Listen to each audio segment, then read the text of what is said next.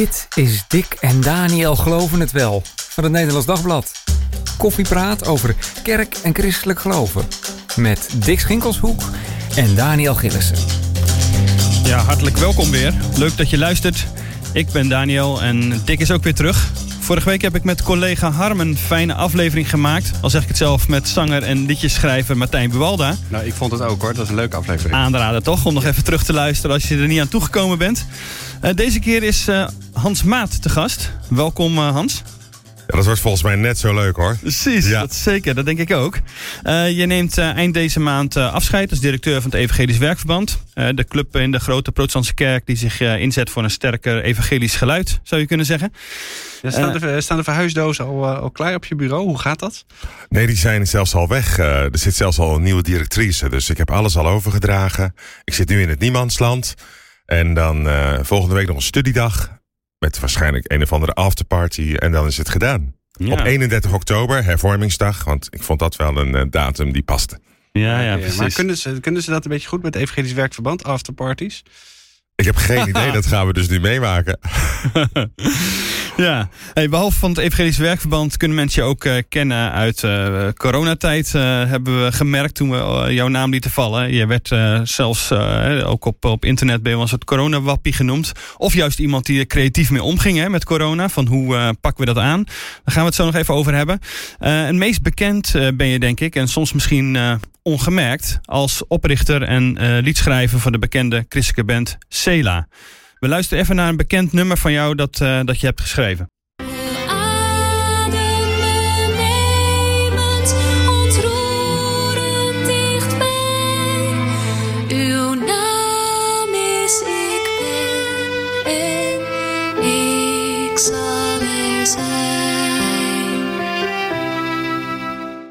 Dit uh, kent zo ongeveer uh, ook een christen bijna tegenwoordig, Hans. Ja, dat is, uh, dat is geweldig, hè? Dus dat, dat dat lied zoveel vleugels heeft gekregen. Ja. We zien het ook in elke traditie. Het wordt overal gezongen, van katholiek tot met protestant en evangelisch en charismatisch, overal wel. Hoewel, in die evangelisch-charismatische hoek, daar zingen ze toch wel heel veel heel song en opwekking. En wat minder dit type liederen, hè? Want ja. Sela heeft ook wel echt wel die referentie naar de traditie. Ja. En dat heb ik toen ook echt heel bewust ingezet. Want ik wilde eerlijk gezegd gewoon zorgen dat er een andere vorm van uh, worship in de kerk zou komen. Maar wel met behoud van het goede wat we hadden. Dus je hoort in dit lied ook dat het bijna gezangachtig is. Ja, ja, ja. ja het, het, ik heb ook wel meegemaakt in kerken dat het met een orgel begeleid werd. Ja, kan heel goed. Ja. Urke Mannenkoor heeft er een prachtig uh, arrangement van gemaakt. Uh, er is nog zo'n reformatorisch jongerenkoor wat ook fantastisch uitvoeringen geeft van dit oh, ja. soort liederen. Ja. ja. Waar was je toen je, want dit is inderdaad jouw meest bekende, uh, denk ik, ik zal er zijn. Ja. Waar was je toen je dit schreef? Gewoon aan een bureau, bloed, zweet en tranen. Dus niets van uh, Niks een directe, heroïs. spontane ingeving... waar jullie vast natuurlijk bij mij verwachten dat dat zo zal zijn. Uh, echt zoeken naar woorden, maar wel emotioneel heel erg betrokken... op toen de tijd Kinga Ban, die net had gehoord dat ze borstkanker had... En, uh, en dat helpt natuurlijk wel. Hè? Als je in je emoties zit, schrijf je toch beter dan uh, wanneer je. Ja, zij zong bij Cela toen. Ja, zij zong Ja. bij Cela. Ja. Ja. Ja. En, en schrijf jij nog voor ze?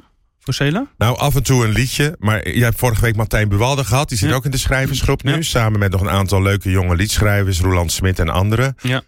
Um, dus ik merk ook gewoon, zij zijn echt weer een slag jonger dan ik. Uh, zij werken ook anders. Met elkaar maken ze een liedje. Ik uh, ga gewoon het liefst naar ergens uh, op een berg zitten om te bidden. En dan vervolgens in mijn zolderkamer zitten zweten. Ja. Um, dus een toekomst vol van hoop was volgens mij de laatste. Die heeft wel goed gedaan in de coronatijd. Ja. Mensen hadden blijkbaar even een steuntje in de rug nodig. Ja.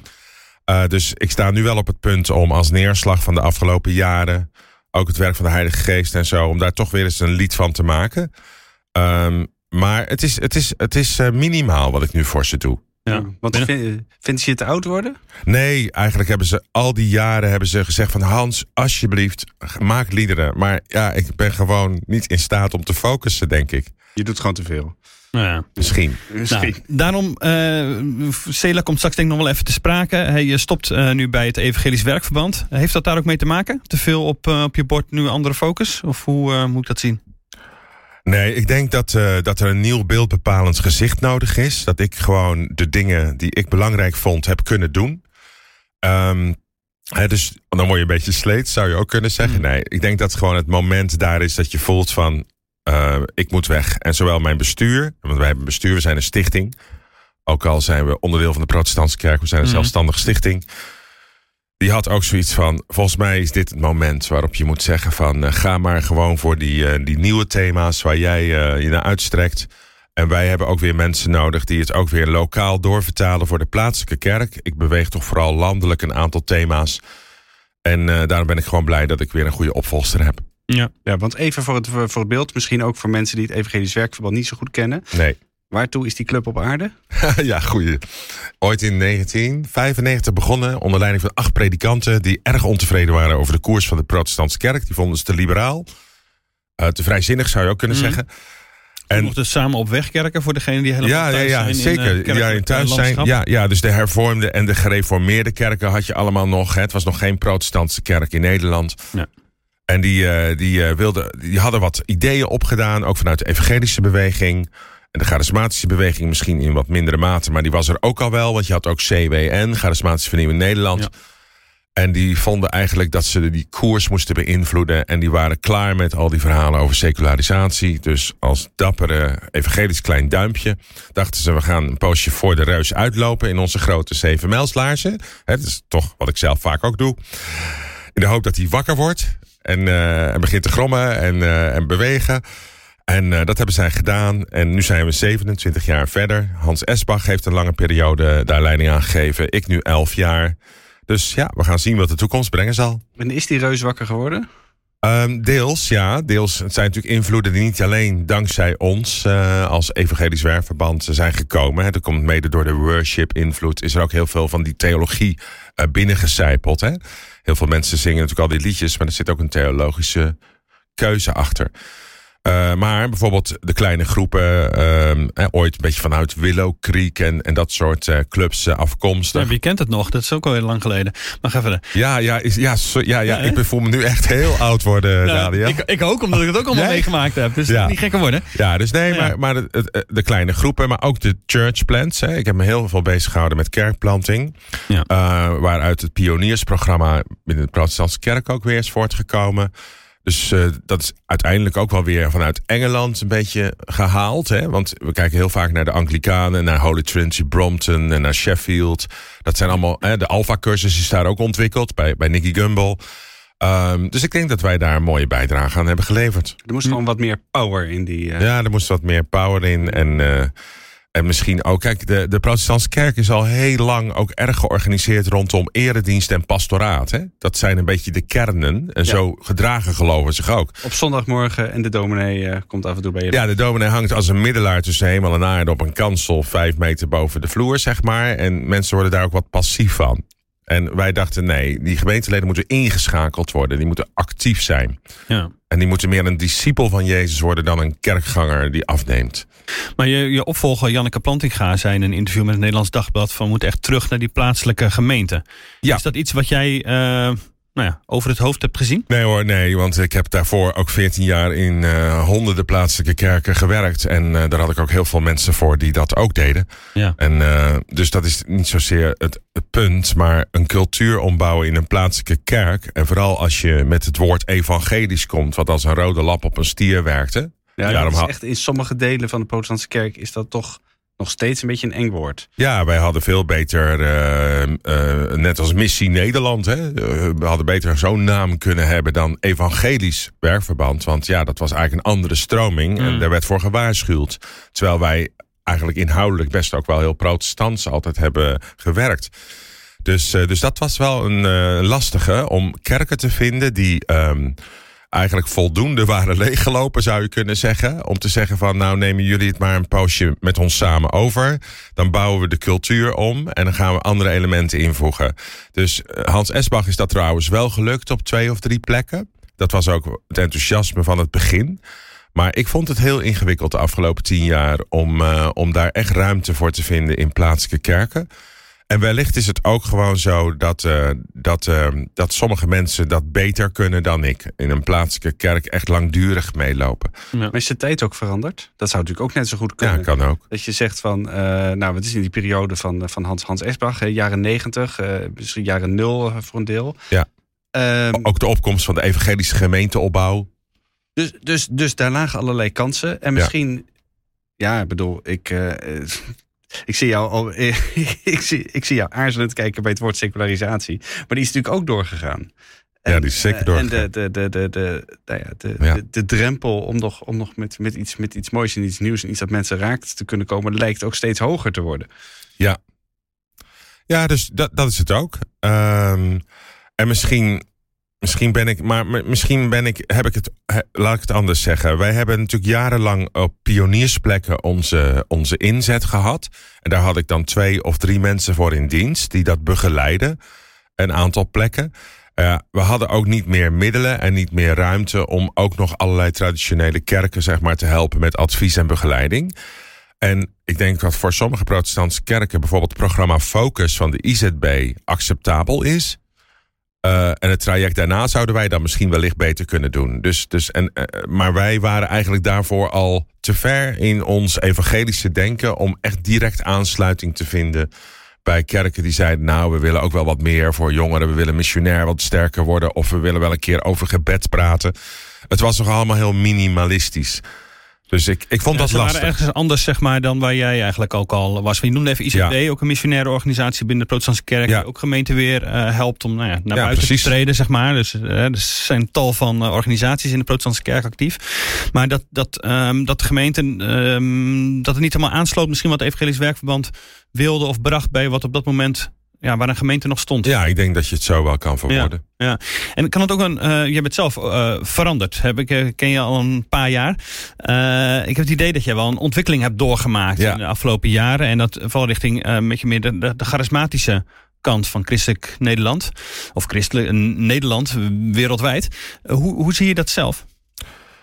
Nou, als je, het, als je het probeert helemaal van bovenaf te bekijken, dat probeer ik natuurlijk ook wel. Uh, dan denk ik dat ik gewoon onderdeel ben van een, uh, een charismatische beweging. Die wereldwijd inderdaad ook is, Europees en Nederlands.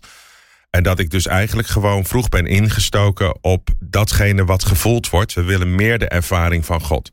Dat was ook echt wel helder. Daarom zie je ook in heel Nederland overal cursussen de grond uitploppen, luisteren naar Gods stem. Uh, wat is profetie? Um, dus, dus je kan wel een pleidooi houden voor de gaaf van de geest. Maar mensen willen dat nu zelf dan ook wel ontdekken. Misschien soms schoorvoetend en lang niet allemaal tegelijk. Maar er is een soort early adopters groep in Nederland. En die is best stevig. Uh, die daar echt heel erg mee bezig is. En je ziet ook talloze bedieningen uit de grond komen. Die daar dan allemaal dan een graantje van meepikken. Uh, maar persoonlijk was dat ook mm. mijn geloofsreis. Ja. Dat is wel waar. Je komt uit een hele nou ja, zeggen we, traditionele omgeving. HGB begonnen, was een jongere organisatie binnen de protestantse kerk.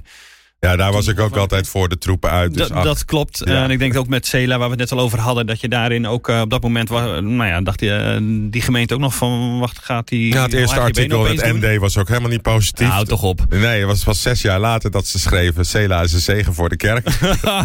Maar de eerste keer niet hoor. Nee, als je kritisch bevraagd wordt, dan vind jij het niet positief. Ah ja, dat kan je natuurlijk ook zeggen. Ja, ja precies. Ja. Maar even, even, even over jou, jouw ontwikkelingsgang.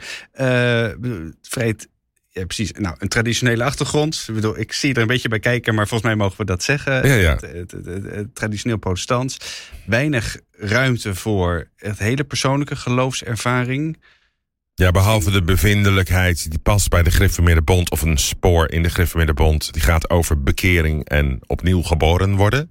Maar dan ja. houdt het wel zo'n beetje op. Dan is het wel klaar. Ja. En jij dacht op een gegeven moment, of jij voelde, of jij merkte... er is meer. Er is meer, dat is ook nog een uh, campagne. Maar, uh, die we als Evangelisch Werkverband hebben gedraaid. Maar... Ah, wat interessant. Er is meer. Ja, nee, ik dacht niet gelijk er is meer. Mm. Ik, uh, ik heb altijd wel gewoon opengestaan een beetje voor het avontuur, denk ik. In alle opzichten, in mijn eigen leven ook wel. Maar op enig moment, en dat heb ik natuurlijk ook wel op allerlei plekken verteld... had ik het idee dat God tegen mij begon te spreken. Op een andere manier dan ik voorheen dat dan zeg maar afleidde of merkte wat we dan de leiding van God noemden. En dan kon ik zo'n tien punten lijstje aan je geven, aan jongeren, hoe dat werkte met de leiding van God in je leven. Dus als die zo direct je begint aan te spreken. Hoe, uh, even tussendoor, hoe weet je dat het God was? Uh, omdat ik daar de effecten van zag. Je ziet, kijk, ik, misschien is dat ook wel gewoon wat in de Bijbel staat. Je moet altijd kijken naar de vrucht. Wat levert het op? Als mensen direct tot geloof komen, of er gebeuren bijzondere of spectaculaire of wonderlijke dingen, dan ervaar ik dat als: oké, dit was van God. Wanneer kun je, kun je zeggen wanneer je voor het eerst op die manier de stem van God hoorde? Ja, alleen dat is dan altijd weer in zo'n setting als deze ook nog wel een lastige. Omdat ik, ik was gewoon in een restaurant. En dat heb mhm. ik ook vaker verteld. Dat weten mensen denk ik ook wel. En ik, ik sprak een serveerster aan. En ik zei gewoon, heeft u vijf koppen cappuccino? Want ik had vijf vrijwilligers van, bij mijn weten, tot Heil des Volks daar zitten in Amsterdam. En op dat moment kwam er een stem. En die stem had ik eigenlijk nog nooit zo gehoord. En ja, dus dat, dat, en die zei gewoon van, ik wil dat je haar de handen oplegt, haar zegent in mijn naam en het vooral nu doet. En ik dacht echt bij mezelf. Ben je serveerster? Ja, ja. Ik had nog nooit ergens mijn handen opgelegd, al helemaal niet op een serveerster. Dus ik dacht bij mezelf, dit ga ik natuurlijk niet doen. Dit is echt nonsens. Dit is gewoon, dit kan echt niet. Maar ik wist dat ik het gehoord had. Hmm. En uh, ik had nergens geloof voor op dat moment. Uh, bovendien is het een hele, hele lastige setting als er allerlei mensen naast je staan en achter je zitten en zo. En dat gerammel met kopjes. Maar um, ik zei dus tegen haar, ja, ik zeg, ik ben christen. En uh, ik zou het fijn vinden om voor jou te bidden op dit moment. Vind je dat goed? Uh, en mag ik dan mijn hand op je voorhoofd leggen? Nou, ik dacht, nou, die wordt heel kwaad of zo. Die wordt heel boos en die zegt, ga weg, doe normaal. Wat is dat voor een rare man? En, uh, maar die zei dus, nou, als u dat wilt doen, heel graag. Hm. En toen dacht ik, nou, hier is iets aan de hand. En toen heb ik dat gedaan. En die mevrouw werd zo krachtig en spontaan aangeraakt... dat iedereen dat kon zien. En dat was een nieuwe ervaring voor mij. En ik dacht, ja, dit zal dan de Heilige Geest wel zijn. Ik had natuurlijk ook genoeg gelezen. We moeten natuurlijk ook niet doen alsof protestanten helemaal niks weten. Want wij lezen ook gewoon de opwekkingspredikers en zo. Uh, en kijken soms ook allerlei filmpjes. Maar, uh, maar die, uh, die mevrouw heb ik een kwartier later gesproken. En toen zei ik tegen haar van ja, weet je... Um, eerlijk gezegd snap ik niet zo goed wat er gebeurde. Ja, zegt ze, ik geloof nu ook in Jezus, die u noemde in uw gebed. Ik zeg, ja. Ik zeg, dan ben je zeker reformatorisch opgegroeid, met de paplepel ingegoten. Nee, zegt ze, mijn ouders waren geen christen. Ik zeg, heb je helemaal geen ervaring met christendom? Nou ja, ik heb eens een keer een kaarsje gebrand in een katholieke kapel aan de Kalverstraat voor mijn overleden papa. Oh, ik zeg, en uh, heb je misschien naar God veranderd mensen gekeken van de EO? Zeg, nee, kijk, ik had naar SBS 6 van Hart voor Nederland. En die jonge dame, die, uh, ik heb nog eventjes uitgelegd hoe het christelijk geloof in elkaar zat. Want dat had ik dan wel geleerd. Een mini-cursus in een paar minuten? Ja, ik dacht een mini-cursus in een paar minuten. En apologetiek had ik ook geleerd. Ik wist precies hoe je in vijf vragen iemand klem kon zetten. Um, ja, dat was vroeger. En, uh, en vervolgens, deze mevrouw is gewoon gedoopt, heeft de Alpha-cursus gedaan en werd in één keer christen. En toen dacht ik, oké, okay, dus nu heb ik daar allemaal missionaire modellen voor. Die duren maanden, zo geen jaren. En opeens kan het in 20 seconden. Wat is hier aan de hand? Nou, dat heb ik doorontwikkeld. Daar heb ik veel over gelezen. Ik heb het ook nog wel vaker toegepast. En ik zag dat er dus wonderlijke dingen gebeurden op het moment dat je die stem hoort en, en daar dus naar luistert. Ik bedoel, wat je, had, je had net zo goed kunnen zeggen... Uh, nou, ik moet hier nog eens even over nadenken, dan is het moment weg. Nee, en dan... nee ik had ook altijd, kijk, zo'n bijbelgedeelte... Wat, wat je wel kent, hè, van de, de schapen kennen mijn stem... En, en ze herkennen mijn stem en ze volgen mij... Heb ik ook altijd als een metafoor gezien. Aan kinderen of jongeren of volwassenen legde ik dat gewoon uit als... ja, wij zijn gewoon een kudde schapen. Dat vond ik ook nog niet zo fijn, een schaap. Wat is dat nou toch, een schaap? Maar... Goed, en de herder die spreekt en die spreekt door het woord. En ja, ja, daar volgen wij hem. Maar ik had het nooit letterlijk toegepast. En ik ben dat gaan doen de afgelopen tien jaar. Uh, ik leerde dat van een bekende gemeentestichter met de naam Neil Cole. Dat is op zich een heel gematigde man, maar die heeft duizenden kerkplans gedaan. En die, die, uh, die zei op een gegeven moment tegen mij: Listen to Jesus and do what he says. Dat was alles wat hij aan boodschap voor mij had. Nou, dat zei mijn zonderschooljuffrouw ook al. En mijn moeder zei dat vroeger ook al. Hè, luister naar de Heer Jezus en uh, doe vooral wat hij zegt. Maar ik ben het als twee lessen gaan zien en ik ben het gaan toepassen. Het luisteren en vervolgens het gehoorzamen. En in die gehoorzaamheid, daar zit het wonder. En dat, dat luisteren, hoe gaat dat in zijn werk voor jou? Of is, het een algemene, of is het een algemene regel die je daaraan kan Nou, ik denk wel dat, uh, dat er gemene delen zijn. Maar ik denk dat je op uh, 200 manieren naar God kan luisteren. Hè? Sommige mensen krijgen bepaalde indrukken. Of die, uh, dat hangt er ook vanaf hoe sensitief je bent. Stefan Paas, hè, de bekende hoogleraar, die zei tegen mij gewoon... Ja, Hans, jij bent gewoon super sensitief, zei hij. Weet je wel? En als je dan doorpraat, is Stefan ook weer niet zo dat hij het wonder ontkent. Want dat Mm. heeft hij persoonlijk ook wel eens meegemaakt. Um, dus dat is al een interessant gesprek.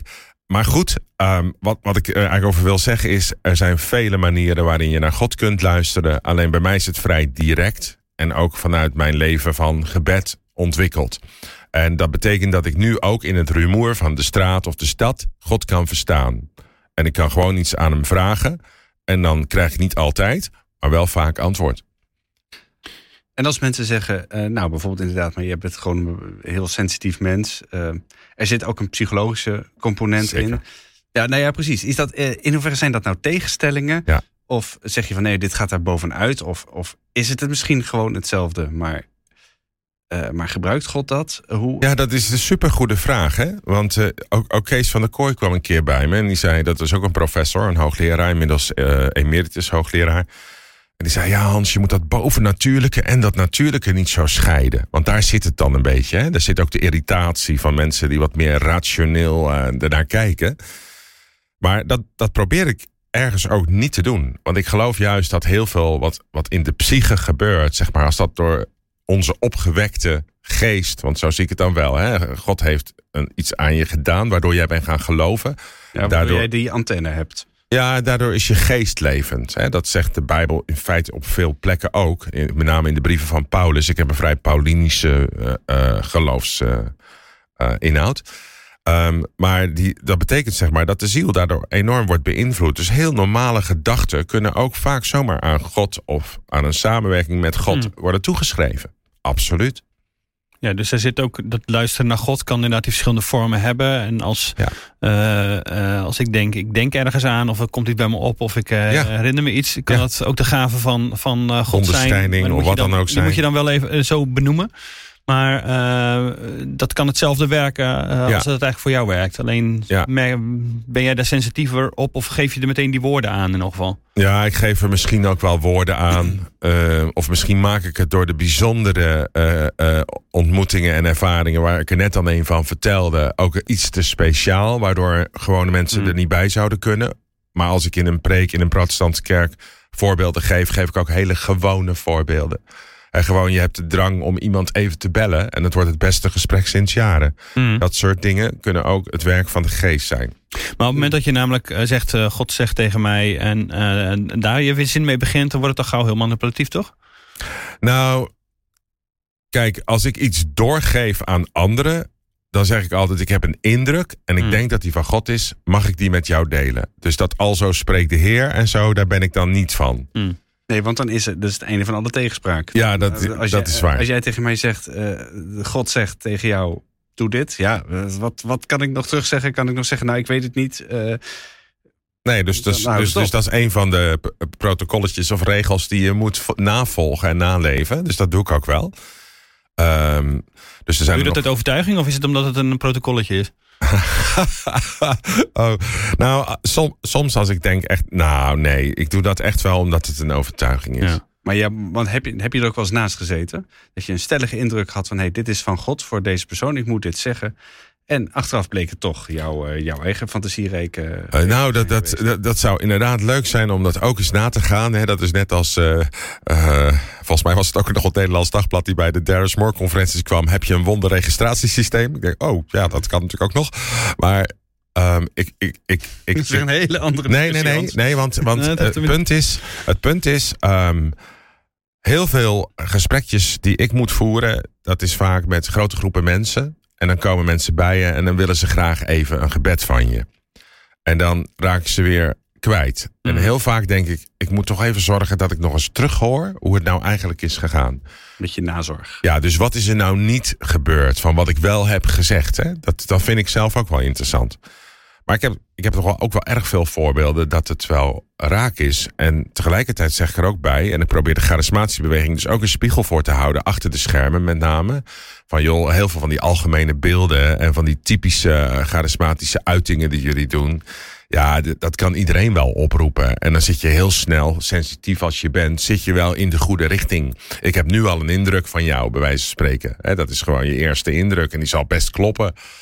Hè, maar als Voor, het, voor 80% zit je dan vast wel goed. Want dat is- ja, dat is intuïtie. nou 80, nou Ja. 50 dan. Oké, Nee, maar op het- discussiëren. Nee, maar op het moment dat je echt ja. zegt van... joh, je hebt een eh, onderneming en je maakt geen winst meer... maar binnenkort heb je 360.000 euro... en die zal komen uit verschillende panden waar een probleem mee zit... Zo concreet was het. dan wordt het concreet, toch? En ik heb die voorbeelden ook bij de vleet. Mm.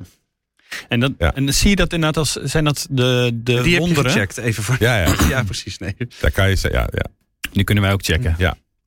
Zijn dat, zijn dat eh, eh, de, de, eh, zijn, eh, de rond, alles rond met, wat met charismatie te maken heeft, heeft toch wel vaak met wonderen inderdaad. Spreken van God en wonderen die er gedaan worden. Soms fysieke wonderen, soms nou ja, dit soort, dit soort voorbeelden als je nu, als je nu noemt. Zijn, zijn het voor jou ook wonderen? Of is het, ga je, zou je dat woord er niet aan geven? Nou, kijk, het hele leven is natuurlijk een wonder... als je er echt over na gaat denken. Dus, ehm, dus, dus ja, kijk, het zijn de tekenen van het koninkrijk. Zo kijk ik ernaar. Ik heb meer een koninkrijkstheologie. Hmm.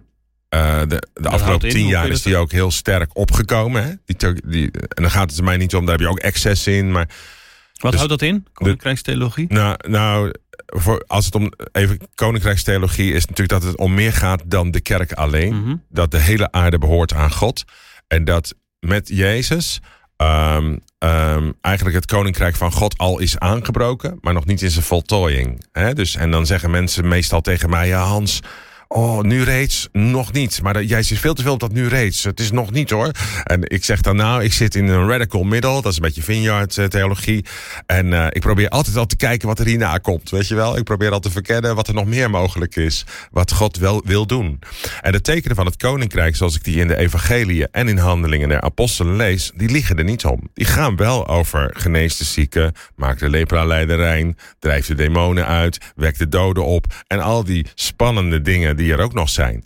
Ehm, dus, dus in die zin uh, wil ik dat stuk niet overslaan. En, maar dat is tegelijkertijd mijn persoonlijke reis geweest dat die dingen begonnen te gebeuren. Mhm. In een mate dat ik dacht van, is dit nog normaal? En, um, en dat twijfel ik soms ook nog wel aan.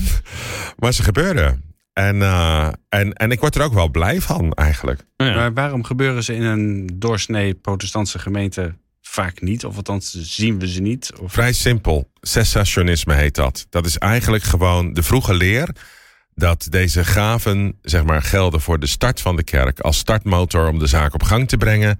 Later hebben we, omdat we niet konden ontkennen dat ze in Azië of Afrika of waar dan ook gebeurden in opwekkingsbewegingen, gezegd ja, als mensen het evangelie nog niet hebben gehoord, dan gebeuren ze ook. Dus als dan voor het eerst, daarna is dat niet meer nodig. En dat zit heel diep in het protestantse denken. Maar daarom, daarom gebeurt het niet. Eh, maakt God zich daar afhankelijk van dan? Ja, ik denk dat, dat ja, ik, kijk, als dezelfde Paulus, wat absoluut mijn favoriet is, roept, Gods medewerkers zijn wij, dan, bedoel, dan bedoelt hij toch te zeggen dat wij samenwerken met God. Dat hij niet met één druk op de knop het koninkrijk Gods laat doorbreken in jouw leven of uh, in een groter geheel, maar dat wij samenwerken. Dus de mate waarin wij beschikbaar zijn om dingen te doen die hij misschien ook wil doen, ja, die bepaalt wel de uitkomst. Ja, je praat er nu. Het, kan ook heel, het kan wel heel radicaal worden, zoals met zo'n uh, There is More uh, conferentie, die je ook hebt georganiseerd vanuit het EVG's Werkverband. Gaf dat denk ik wel wat.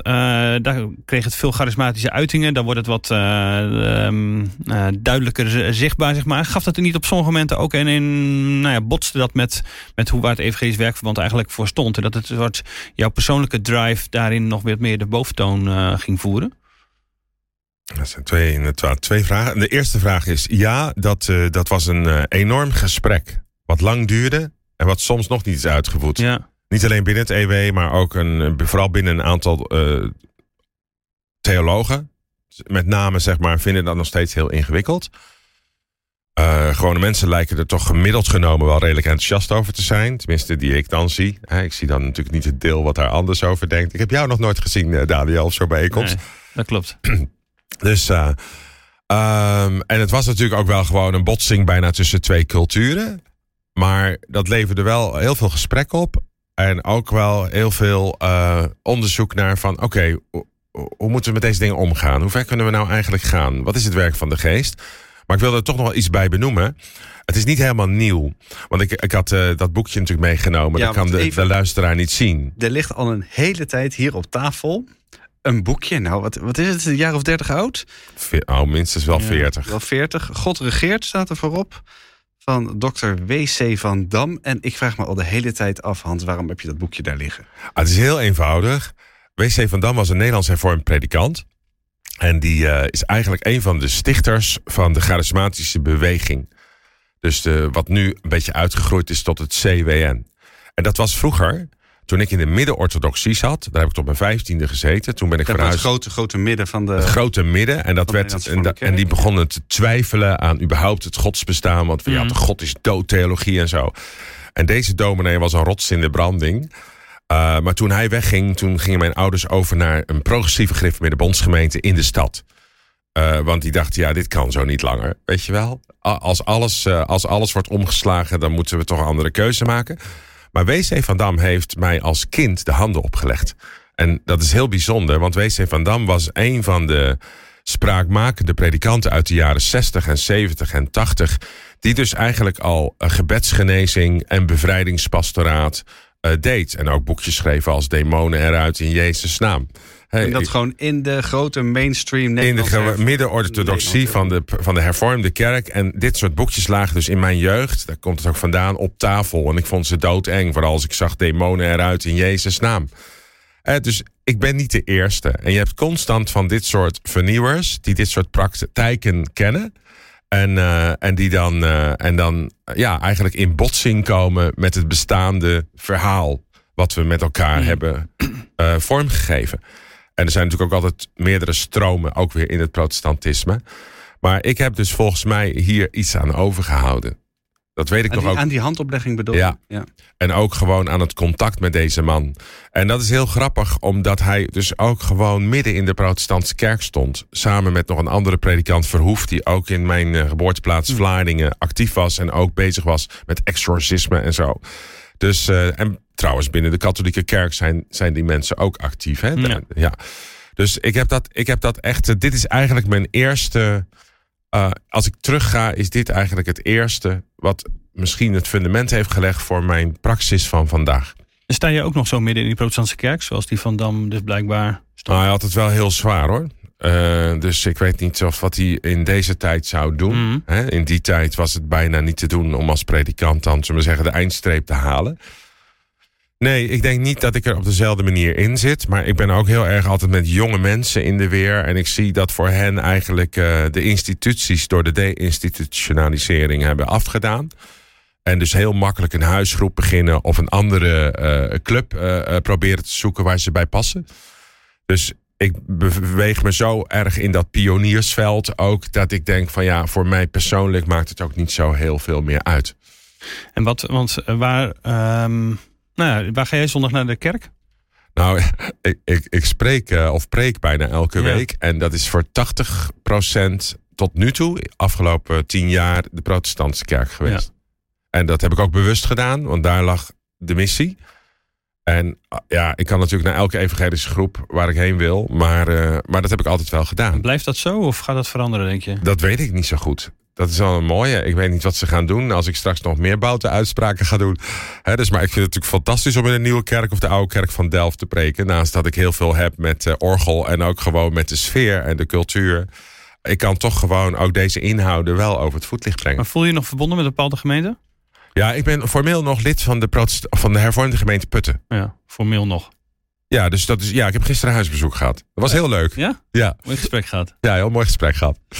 Maar uh, mag ik nog even uh, die beweging, zeg maar, waar jij je in bevindt? Want uh, ik denk dat we het ook heel erg graag nog even over corona willen hebben. Zeker, maar, we hebben de luisteraar beloofd. Hè? Precies, dat hebben we beloofd. Maar die beweging samenvatten als je de, het, het, gevoel dat eigenlijk sinds de jaren 50, zeg maar, gewoon de, de, de, de godservaring steeds moeilijker wordt. Zeg maar, dat het als het ware als de luikjes dichtgaan.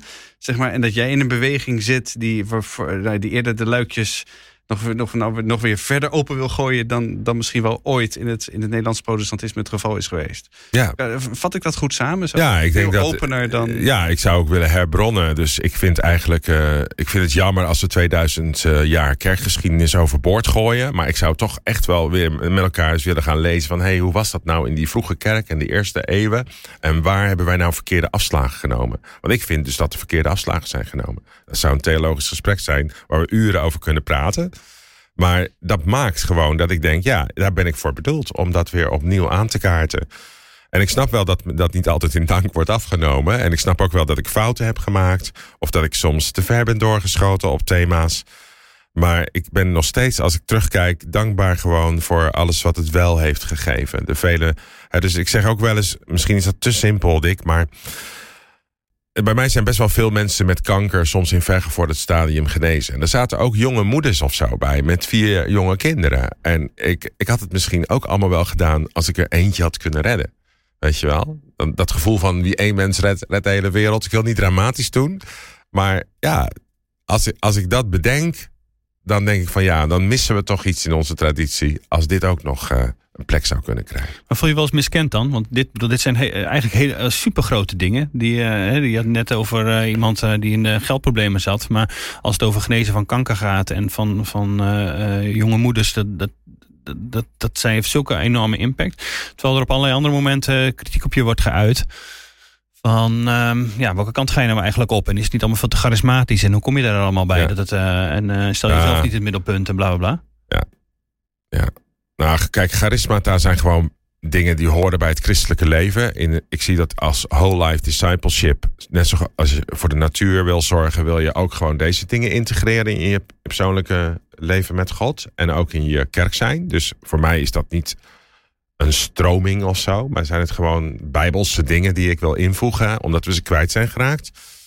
En de tweede vraag was, als je dan kritiek krijgt, dan? Nou ja, of je je niet soort miskend voelt, zeg maar. Nee.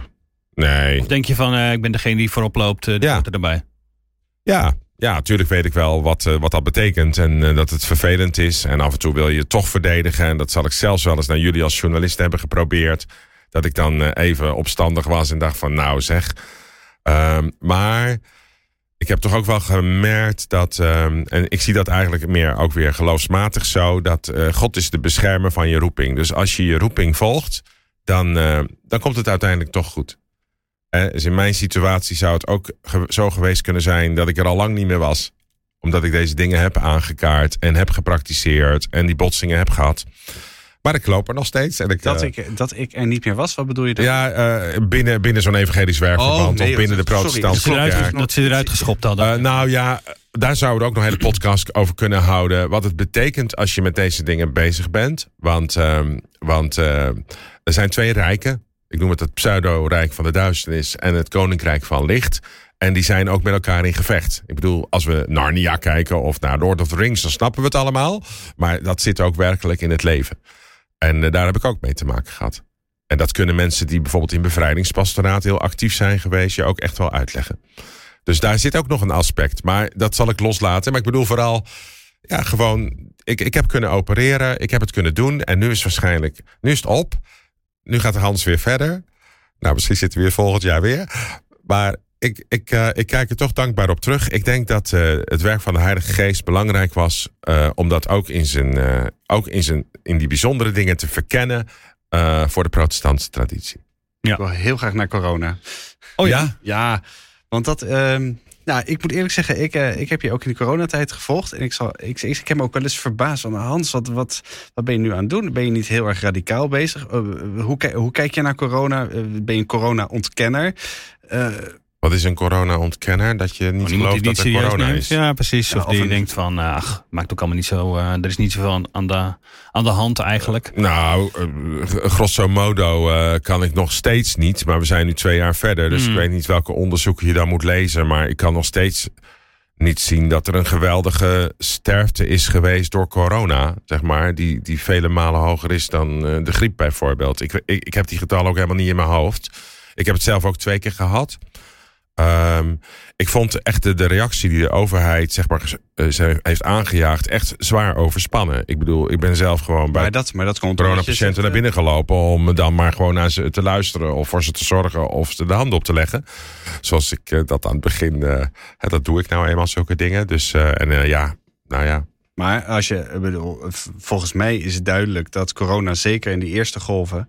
Eh, met name Ja, was de- pittig. De, Delta variant, ja, maar ook echt een stuk dodelijker was dan, eh, dan, de, dan de gewone doorsnee eh, griep. Heb jij die cijfers daarvan ook echt gezien? Jij bent natuurlijk journalist. Ja, die- kijk, ook daarin, wij hebben hier niet nu even die cijfers precies paraat. Maar dat is wel wat we daarover tot nu toe ge- gelezen hebben. En als je, eh, nou ja, neem even die voorbeelden als van Bergamo, die je in Italië natuurlijk hebt gehad. En ook hier, de, de, de verhalen was het. Hattem en dergelijke, Hasselt. Waar enorm, dat klopt. enorm veel sterfte was. Mijn nichtje was daar werkzaam. Ja. Veel meer was dan wat normaal in een. In een Ja, dus er zijn een aantal uitbraken geweest en golven. Ja, precies. Ja. Dus, en, en waarom was ik een corona-ontkenner toen je mij ging volgen? Nou, omdat je, eh, volgens mij relati- relativeerde je de, de maatregelen heel sterk. Ja, ja, die vond ik zwaar overspannen. Maar goed, dat, eh, ik vond eh, uiteindelijk. maar dat heeft te uiteindelijk maken uiteindelijk met een taxatie van wat corona Nee, ze dan- zijn. dan ze- is. ze- ik- ja, maar ik denk dat wat wij hebben gedaan als reactie daarop, wat dus eigenlijk uiteindelijk gewoon een felle griep is geweest, waar in ieder geval de oudere generatie dan zwaarder onder te lijden had. Eh, dat we zelfs scholen hebben gesloten, terwijl we weten dat kinderen daar eigenlijk helemaal geen last van hebben. Dat heeft ook zoveel eh, collateral damage, noemen ze dat dan, bijkomende schade opgeleverd. Dat ik me echt afvraag of het dat waard is geweest. Ja, het punt is, kijk, achteraf is het ook al wel allemaal nog, ook nog weer, eh, kijk je er anders naar. Ook nu de Onderzoeksraad voor de Veiligheid die zegt van, hé, de, de, de overheid weet eigenlijk niet precies wat het heeft opgeleverd. Dus er zijn best wel behoorlijke kritieken te geven. Wij als Nederlands Dagblad hebben ook in commentaren gezegd, die scholen dicht is absoluut geen goed idee. Ehm, maar had, het zit natuurlijk, je, eh, nou ja, eh, je kijkt van wat je in dat moment, wat, wat je het beste kunt doen. En wat je toen had, waren ook overheidsmaatregelen die zeiden van oké, blijf nu thuis. Eh, ga niet met elkaar in een theater en weet ik wat zitten. En jij merkte toen op van ja, eh, jongens, eh, de kerk kan wel bij elkaar komen. Laten we daar als christelijke artiesten gebruik van maken. Ja, nee, dat maar, gaf maar dan een wel. rare nou, beeld, zeg maar, van hey, hoe ga je om met, met regels die er zijn. Ja, ze vonden dat ik die regels even creatief ging oprekken onder artikel 1. Ja. Dat bedoel je eigenlijk. Ja. Dat deed je toch? Zeker, maar daarbij moeten we niet vergeten dat wij ook gewoon de basismaatregelen volgden. Dus het is niet zo dat wij eh, geen afstand bewaarden of eh, mensen niet toestonden om een mondkapje op te doen. Hè, we gingen het niet aanmoedigen of zo, want we hadden niet echt vertrouwen in dat die mondkapjes nou zo heel veel brachten. Eh, maar goed, we hebben dus, dus ook buiten wel bijeenkomsten gedaan. Op transportterreinen of in een weiland of onder een tentdak met een warm, warm hoe noem je die dingen? Van die gasflessen. Ja. Wat nu niet meer Eh, kan. dus- het duur- Dus ik heb gewoon vooral, vooral gezegd, zullen we er creatief in zijn? En ehm, tegelijkertijd was op dat moment aan de orde dat met name geloof ik David de Vos met eh, zijn Mhm. grote bijeenkomsten en zo. Dus eigenlijk een groep eh, daarmee uitsloot die geen vaccinatie had ontvangen. Precies, En- want dat ging over die, eh, die geen- 3G. eh. ja, dus, dus, dus daar, daar, daar heb, voelde ik me mee verwant met die groep. Nou, ook getest, hè? Even voor de helderheid. Ik bedoel, je zegt geen Ja, vaccinatie. nee, ook ontvangen, testen. Maar, het was Maar, 3G. nee, ik heb mijn kinderen die niet gevaccineerd waren voor een deel. Voor een deel. Eh, die heb ik elke keer naar een of andere schimmig eh, parkeerplaatsje moeten brengen. Ergens achter Garderen, waar dan een of andere container stond. Om getest te worden. Ik vond dat heel lastig te verwerken. Dat als je ervoor koos om niet te vaccineren. dat je dan op die manier, zeg maar. als een aparte groep werd behandeld. En daar zijn die 15 tot 20 procent Nederlanders die daar dus ook zo in hebben gestaan, nog steeds niet overeen. Die zijn echt in alle staten. En ik begrijp dat ergens wel. Ik voelde me even eh, onderdeel van een minderheid in een periode die heel hectisch en ingewikkeld was. Hè. Ja. Ook onze organisatie werd gehalveerd omdat er niets meer mogelijk was. En wij krijgen daar geen subsidies voor van de overheid. Mhm, mhm. Ehm, en, en als je dan zo'n groep om je heen hebt, of als je daar dan veel reacties van krijgt, en ik voelde het zelf ook tot in mijn gezin toe, dan heb je echt het idee, oh, zo voelden mensen zich vroeger, die Marokkaan waren en bij ons in de straat woonden. Die voelden zich gewoon echt achtergesteld ten opzichte van de rest. En ik denk dat mensen die vrij coulant zijn meegegaan in die overheidsmaatregelen, geen idee hebben van hoe dat voelt. En dat was voor het eerst in de Nederlandse geschiedenis sinds de Tweede Wereldoorlog. Dat er een grote groep Nederlanders was die dacht van wat gebeurt hier. Ja. Jouw, uh, jouw gedachte over corona hè, en de farmaceutische industrie en over vaccinatie. Uh, hoe hangt dat nou samen met, jou, uh, met jouw geloof en met jouw manier van. Met jouw the theologie, om dat maar even ja, zo te zeggen. Hele is dat, of, of, zeg je van nou op zichzelf zijn die nog, staan die nog wel weer los van elkaar? Nou, ik denk dat, dat bepaalde persoonlijkheden en karakters daar, kan het ook mee te maken hebben. Hè? Of pioniers of mensen dat die wat, wat, wat meer de neiging hebben om een stevig standpunt in te nemen. Dus misschien, misschien denk je dat bij mij ook wel. Een beetje. Ik, uh, ik zal je eerlijk toegeven dat het even door me heen schoot. Ja, dat eh, denk ik ook. Ik heb wel eens Jan Zelstra voor zijn dood zei tegen mij. Om het dan even gewoon even heel scherp neer te zetten. Hè? Dan neem ik hem gelijk. Elke microbe op mijn hand die sterft door het geloof. Vervolgens gaf hij zijn bediening over aan anderen en hij stierf aan corona. Dus mhm. daarmee geef ik even aan van ja, op dat spoor kan ik ook niet helemaal mee. Maar tegelijkertijd geloof ik ook wel dat, uh, dat uh, God ons ten diepste beschermt en een prachtig immuunsysteem heeft gegeven. En daar leef ik ook uit. Dus ik leef ook uit geloof. Ik bad op de kansel vaak voor ernstig zieke patiënten, ook op de intensive care. En dan bad ik echt om de ruach in hun longen. En dan hoorden we geregeld dat er echt een enorme verbetering zichtbaar was. Of dat mensen zelfs een week daarna werden ontslagen uit het ziekenhuis. dus, dus dat, en, dat is spannend, zeg maar. Dus dat, dat vind ik zelf ook. En ik wil die spanning er graag inhouden. Maar ik, ik heb dat geloof wel. Dank uh, Hans voor uh, dit gesprek. Dank uh, voor het luisteren. wil je ons steunen? Overweeg dan een abonnement op het Nederlands Dagblad. Lees nog meer interessante interviews, achtergrondverhalen en nieuws natuurlijk. Voor een paar euro per week kun je erbij horen. nd.nl slash abonnement. Tot volgende week. Dan praten we met dominee Almatine Lene over vijf jaar MeToo... en wat de kerk daarvan geleerd heeft of niet. Tot eh, dan.